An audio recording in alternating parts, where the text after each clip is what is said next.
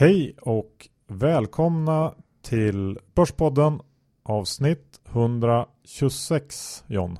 Ja, med John Skogman såklart och en eh, oförkyld Johan Isaksson. Det är länge sedan du var förkyld nu. Ja, precis John. Och jag vet inte om det har något att göra med att jag köpte sån här omega-3 olja som eh, Syding rekommenderar. Sen dess har jag inte varit sjuk.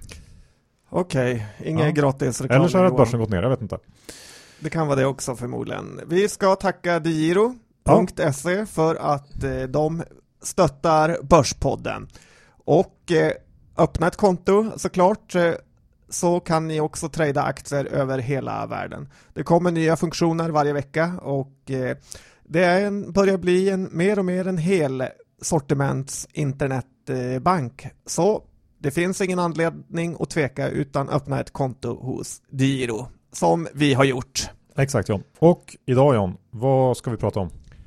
Ja, vi ska ju prata om den kolossala börsnedgången som bara fortsätter vecka för vecka och vi ska även ta en titt på lite old school-företag som kanske har varit eh, bortglömda där värderingarna faktiskt börjar bli aptitliga. Ja, och innan vi kör igång det här härliga avsnittet John så eh, blev det väl så att vi kör bio? Ja, vi tar Börspoddens egna pengar och hyr en hel fucking biosalong där man för, där vi efterhandsvisar i princip eh, The Big Short eftersom du är ju lite av kortmarknadens eh, profi, högprofil. Och eh, det kommer finnas en anmälningslänk på vår hemsida där man får signa upp sig om man vill komma och det är namn och e-mail och favoritaktie faktiskt som vi vill veta för att se vad som är hett just nu. Spännande. Ja, så kom och titta på bio med Börspodden. Härligt. Nu kör vi igång.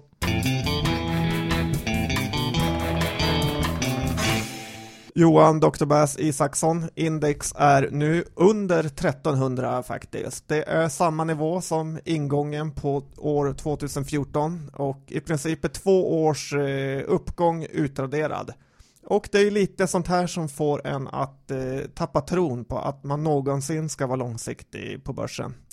Hur är dina känslor? Jag eh, har ju haft den här tron ganska länge nu så att eh, det känns ju skönt att man äntligen har fått, eh, fått rätt på något sätt. Men jag, eh, till och med jag börjar leta kanske lite kortsiktigt nu efter studsar i, i rent tradingmässigt så att säga. Ja, för hur negativ man än är så går ju inte börsen ner till noll på en gång.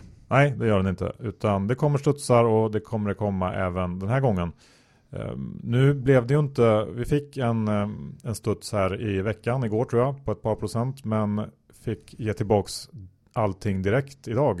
Så att det är väldigt mycket så nu. Ett steg upp och två steg tillbaks. Det är svårt att se lite grann vad som ska få den här sentimentet att, att brytas just nu. Kanske krävs att oljan kommer upp på riktigt eller eh, att vi kommer igång med rapportsäsongen här och fokuserar på, på det. Om det nu hjälper, det vet jag inte. Ja, för om vi tittar lite på oljan så har ju den eh, tagit nya bottnar efter bottnar och eh, senast var att Iran nu får börja sälja olja, olja vilket har pressat ner oljan till eh, en bit under 30 dollar.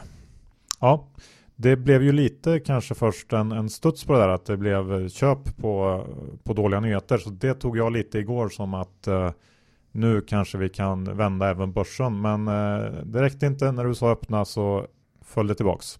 Ja, för jag har ju presenterat en oljeteori för dig Johan som handlar om att vi kommer få se ett eh, negativt oljepris, det vill säga att eh, man får betala för att bli av med oljan. Det är ju redan så ibland på elpriset att eh, på vissa sommarnätter så behöver man tömma systemet på el och därför får man betala för att bli av med det. Vi kan kanske se en liten sån händelse i oljan då man verkligen behöver någonstans att göra sig av med oljan. Vi har sett att många fraktfartygs eh, bolag har gått relativt eh, bra. Då tänker jag på Frontline och eh, på eh, Natt som finns i USA där folk hyr de här oljefartygen för att bunkra olja. Å andra sidan Johan, är det precis sådana här galna teorier man får höra av när man närmar sig en botten eller när det har gått dåligt ett tag. Det är då domedagsprofetiorna kommer och kanske köpläge. Ja, hur som helst så ska man hålla koll på oljan nu för att eh, det är väl en slags sentimentsindikator som är väldigt viktig. Och eh, det är ju många som har haft det ganska tufft nu John, sista tiden. Jag eh, läste David Einhorns senaste brev till sina investerare som var en stor snackis på Twitter igår. David Einhorn drev ju Greenlight Capital och eh, han hade ett hemskt 2015. Fonden tappade 20% och i det här brevet så beskriver han då hur året har varit. Och för att ge en litet eh, smakprov så var de korta de två aktier som gick absolut bäst i S&P 500, Netflix och Amazon. Och samtidigt var de långa två av de tio aktier som gick sämst, Consol Energy och eh, Micron Technology. Och de hade inte ett enda innehav bland de 50 bästa aktierna i S&P. Och som lite lök på laxen så var de kort fyra bolag som blev uppköpta. Och hans barn hade frågat eh, David varför han inte bara köpte sina kortningar och korta sina långningar. Eh, och det kan man ju fråga sig. Men det är inte alltid så lätt, även för de eh, smartaste. Nej, det låter lite som att du och Einhorn hade samma 2015, i alla fall eh, starten. Ja, lite så.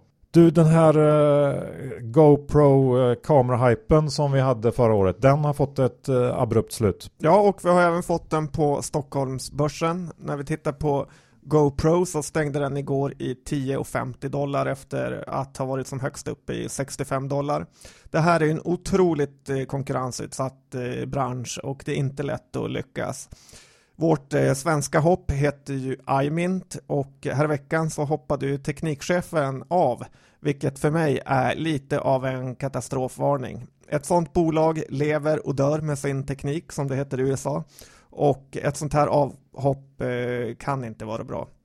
Stockpicker tog ju upp den här aktien som en av årets eh, bästa case där de pekade på att en av framgångsfaktorerna var vilken pressmeddelande taktik det här bolaget skulle använda sig av.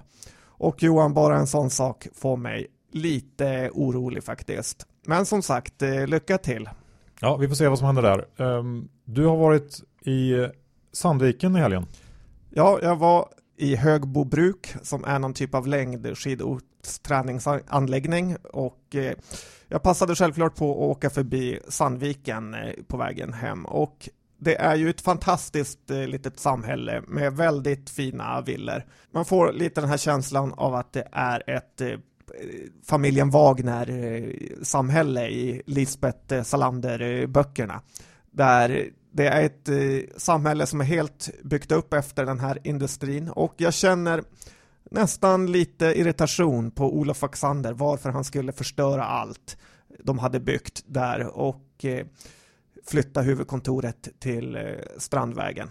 Å andra sidan såg jag tjänstemannabyggnaden som Sandviken hade byggt upp. Ett vitryskt komplex från 60-talet som fick en att få spykänslor. Så att eh, det är lite dubbelt där. Ja, okej. Okay.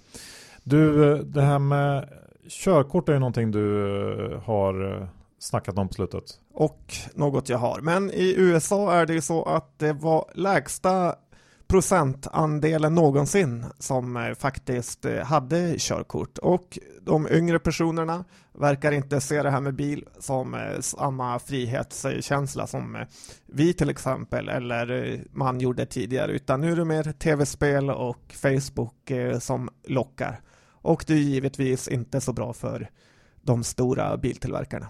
Nej, så upp där då på lång sikt. Sen har det dykt upp en liten snackis i den svenska finansbranschen. Du och jag John har ju varit hemma med barn, så kallade pappalediga. Och eh, feminiserade. Ja, som Knausgård skulle sagt. När vi träffade Ola Rolén så sa ju han att han inte hade varit det, för det går inte på absoluta toppnivå att vara hemma med barn. Och eh, nu i veckan så hände någonting. Ja, Peter Lavesson på Note tog ju två månaders pappaledighet och det kanske han inte skulle gjort, för det blev kicken direkt när han kom tillbaka. Och eh, såklart vet jag inte bara om det beror på det här, men det ser ju inte bra ut och det lär inte öka chanserna för att eh, toppchefer ska ta ut sin eh, pappaledighet. Å andra sidan är det kanske inte det de har betalt för av aktieägarna, att gå barnvagnspromenader Johan.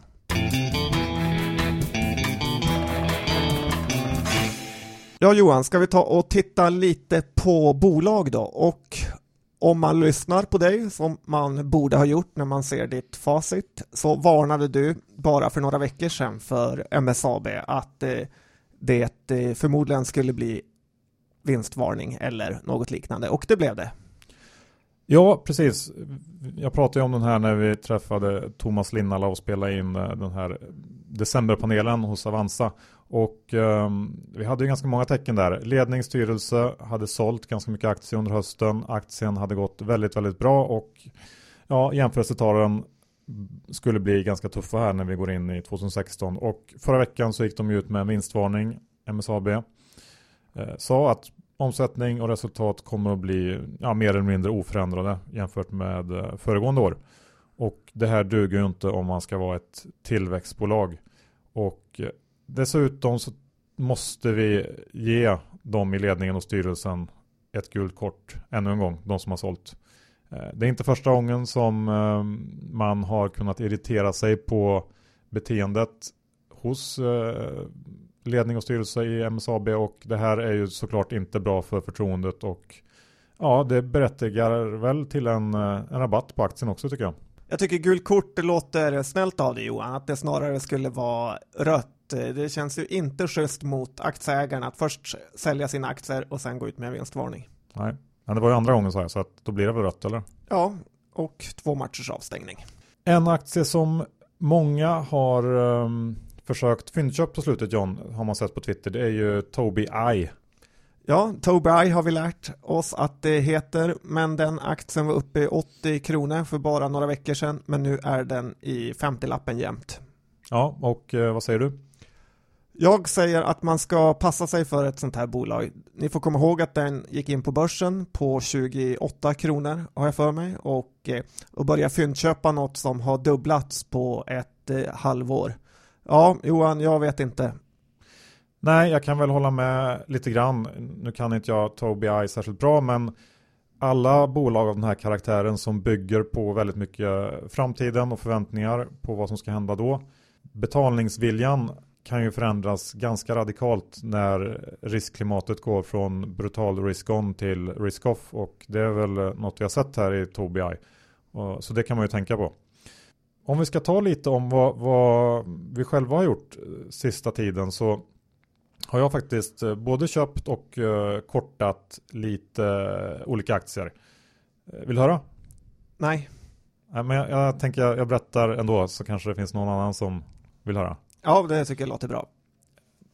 För det första så har jag faktiskt köpt in lite Ericsson uh, här i dagarna som eh, i veckan blev uppgraderad till köp av Martin Nilsson på Nordea. Och det är lite intressant för att han har varit kanske den största Ericsson-bäsaren eh, som finns där ute på väldigt många år. Och nu vänder han alltså till köp.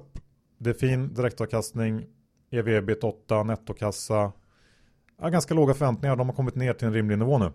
Och eh, Dessutom så ser det ut att finnas ganska mycket kostnader att skära i i det här bolaget. De har ju lagt ner väldigt mycket på R&D under åren som inte har gett så mycket betalt och eh, jag kan tänka mig att eh, styrelsen känner lite press nu och ledningen att göra någonting, speciellt efter de här buddiskussionerna också. Så att jag tror att eh, det skulle kunna hända grejer, grejer där.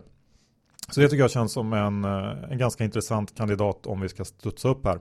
Ja, jag köper först när Stolle Per har vänt till sälj. Ja, kan också vara ett bra köpläge. Sen har jag lagt på en, eh, en liten Kina-trade kan man säga.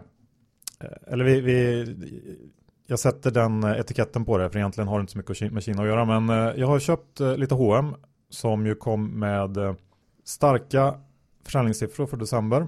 De flesta trodde att det skulle bli betydligt mycket värre men de lyckades ändå växa 10% och det här är ju ett bolag som är kvalitet i grunden och som har gått väldigt dåligt sista året. Och förutom att eh, bolaget har investerat väldigt mycket i verksamheten, vilket har pressat ner vinsten, så har de även haft valutan mot sig, till skillnad från väldigt många andra bolag på den svenska börsen. Eh, och jag tror att när den värsta Kina-röken har lagt sig så är det här ett bolag som bör, på marginalen i alla fall, tjäna på den utveckling som sker i Kina nu, där man förhoppningsvis får igång lite mer konsumtion men drar ner på eh, stora investeringar. Eh, på sikt bör det i alla fall vara så. Och eh, jag tycker att det känns som ett hyfsat intressant läge här kring 280-270 där den kanske pendlar nu. Och samtidigt så har jag faktiskt kortat lite Hexagon som ju är ett av de storbolag med absolut störst exponering mot Kina. Men de har inte alls tappat på samma sätt som många av sina verkstadskollegor. Och jag vet att Ola inte vill att man ska kalla Hexagon för ett verkstadsbolag men eh, det får han leva med nu. Eh, och hur bra han än är som vd så tror jag inte att han kan besegra den här avmattningen som sker nu. Och dessutom så brukar det alltid tids nog dyka upp problem i bolag som är förvärvsmaskiner som Hexagon är. Om vi har en, en ganska rejält inbromsande organisk tillväxt som faktiskt närmar sig noll nu och en värdering som ligger på ev-ebit 20 ungefär.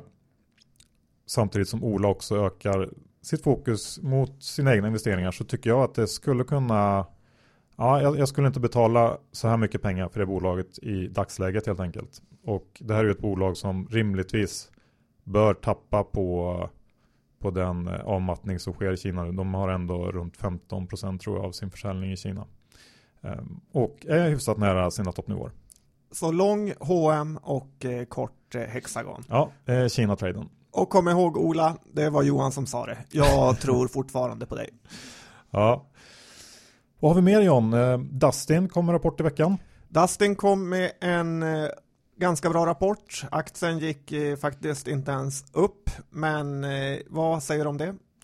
Ja, den var väl helt okej. Starkare marginal än väntat eh, samtidigt som omsättningen var väl snäppet under. Och ja, det tuffar väl på helt okej. Men jag har svårt att bli sådär jätteupphetsad av det här bolaget. Och värderingen är ändå ja, P17, 18, EVB 16. Jag tycker att det är för dyrt helt enkelt. Jag, jag ser inte att det ska vara sådär jätteköpläge faktiskt. Vad tycker du? Nej, det håller jag med. De multiplarna för att eh, sälja lite datorer är inget eh, köpläge för mig. Vi var inne eh, som kortast här tidigare på att det kanske är läge att titta på lite mer klassiska old school-företag om man ska säga så. Och John, du har väl satt ihop en old school-portfölj? Ja men eh, det har jag gjort Johan för att eh, det finns bolag som Amazon, Zalando, Sportamore och eh, de har ju skyhöga värderingar. I ett klimat som vi har nu på börsen kan det faktiskt vara dags att titta på lite mer klassiska bolag som faktiskt är lågt värderade. Och här har jag satt ihop en gäng aktier. Vi kan börja med Macy's Johan. Det är lite av USAs Åhléns. Det är P kring 8-9 utdelning närmare 4 och eh, ja, det är inte det häftigaste bolaget, men det har funnits eh, för alltid. Dessutom aktiekursen halverats eh, sista halvåret i princip.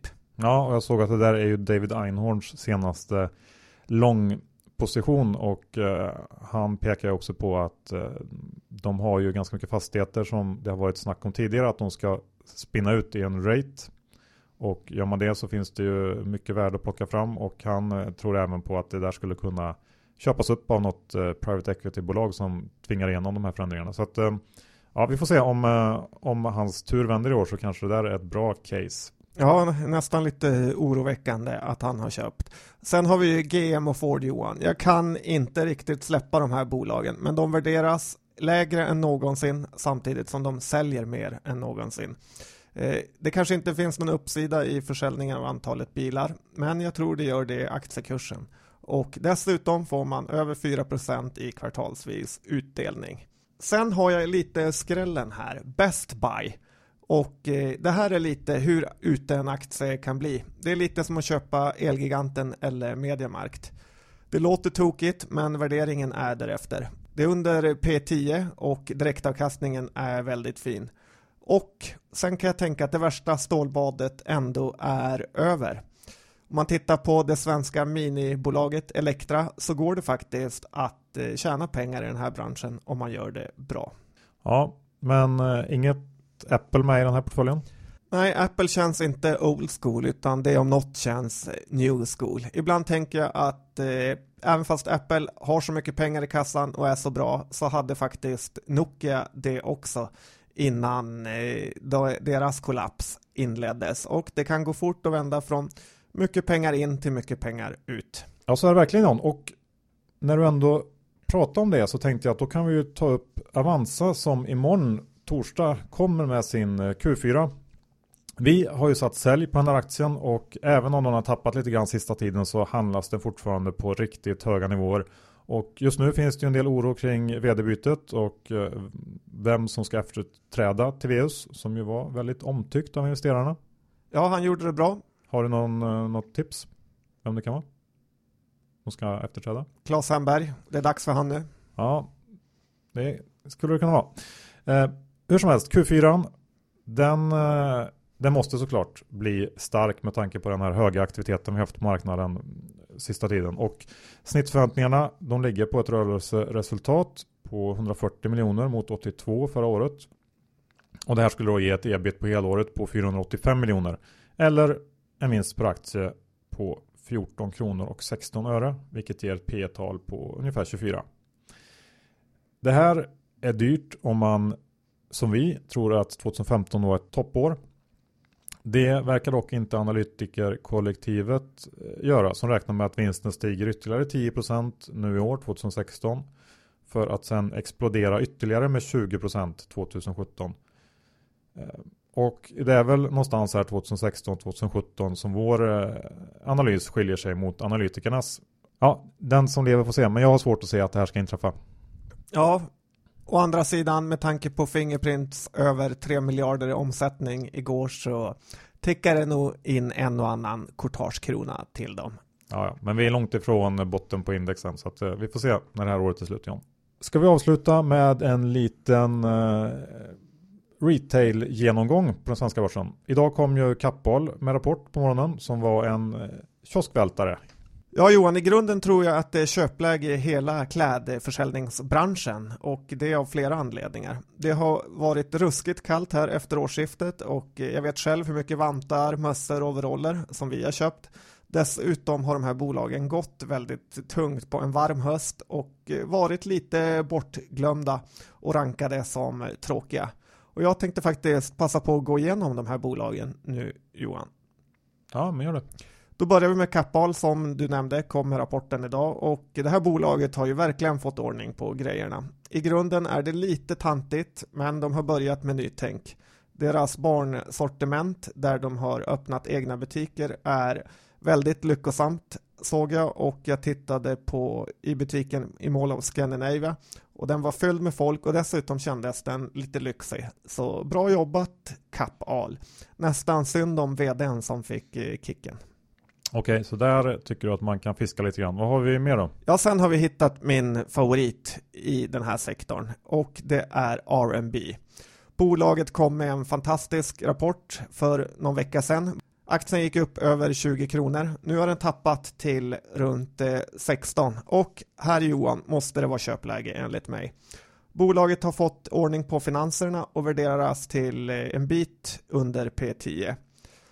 Om man bryter ner RMB så består bolaget av tre delar. Brothers och det är ingen speciell favorit för mig men de har ändå fått ordning på den här delen så den tjänar pengar.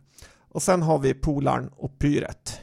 Den här delen måste gynnas väldigt mycket av det kalla vädret. Jag tycker att bara Polarn och Pyret borde egentligen vara värt väldigt eh, mycket pengar. Sen finns dessutom flaggskeppet och det är Departments and Stores.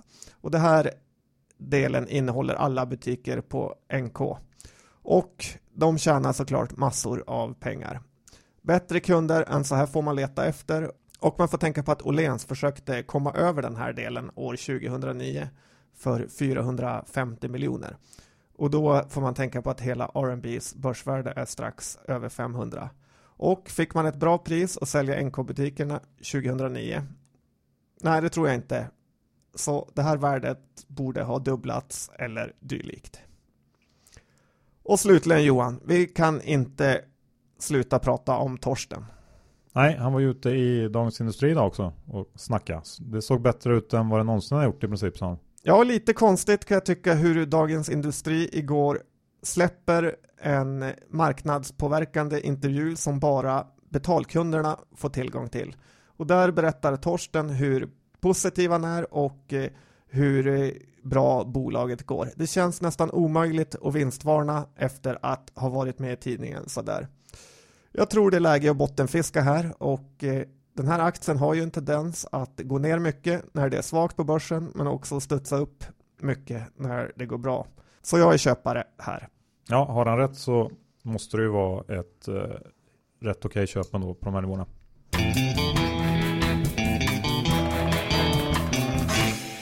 Okej John, då var avsnittet klart. Eh, skoj med eh, bio här i veckorna som kommer, när det nu blir. Vi har inte datum exakt spikat va? Jo, jag tror det spikat ska bara få klartecken från riskkapitalist ägda SF Bio. Ja, och eh, jag sticker ju till Alperna eh, till helgen här och är borta i början av den här eh, lite läskiga rapportperioden. Det kanske är bra så man inte gör något dumt på de här rapporterna. Ja, du vet hur man reser. Själv ska jag åka till Paris några dagar. Ja, men vi kommer ju komma ut med nästa veckas avsnitt antagligen lite tidigare än, äh, än vanligt. Eh, det blir någon slags eh, rapportgenomgång inför de rapporter som kommer i slutet på nästa vecka. Så håll utkik efter den. I övrigt så ska vi tacka vår sponsor Diro. Ja, tack Diro för att ni är med i Börspoddens resa och öppna konto på diro.se. Jag kan posta ett eh, inlägg om min Giro-portfölj. Det brukar vara lite populärt också. I övrigt har vi inte så mycket mer. Vi ska väl säga någonting om de bolag vi äger eller inte äger eller korta. Jag är lång H&M och Ericsson och kort Hexagon. Jag är lång R&B och New Wave. Dessutom har jag lite Frontline som jag känner mig nervig för. Ja, bra, det ska man göra. I övrigt har vi inte så mycket mer att säga så att eh, tack så mycket för att ni lyssnade den här veckan så hörs vi igen. Tack och hej.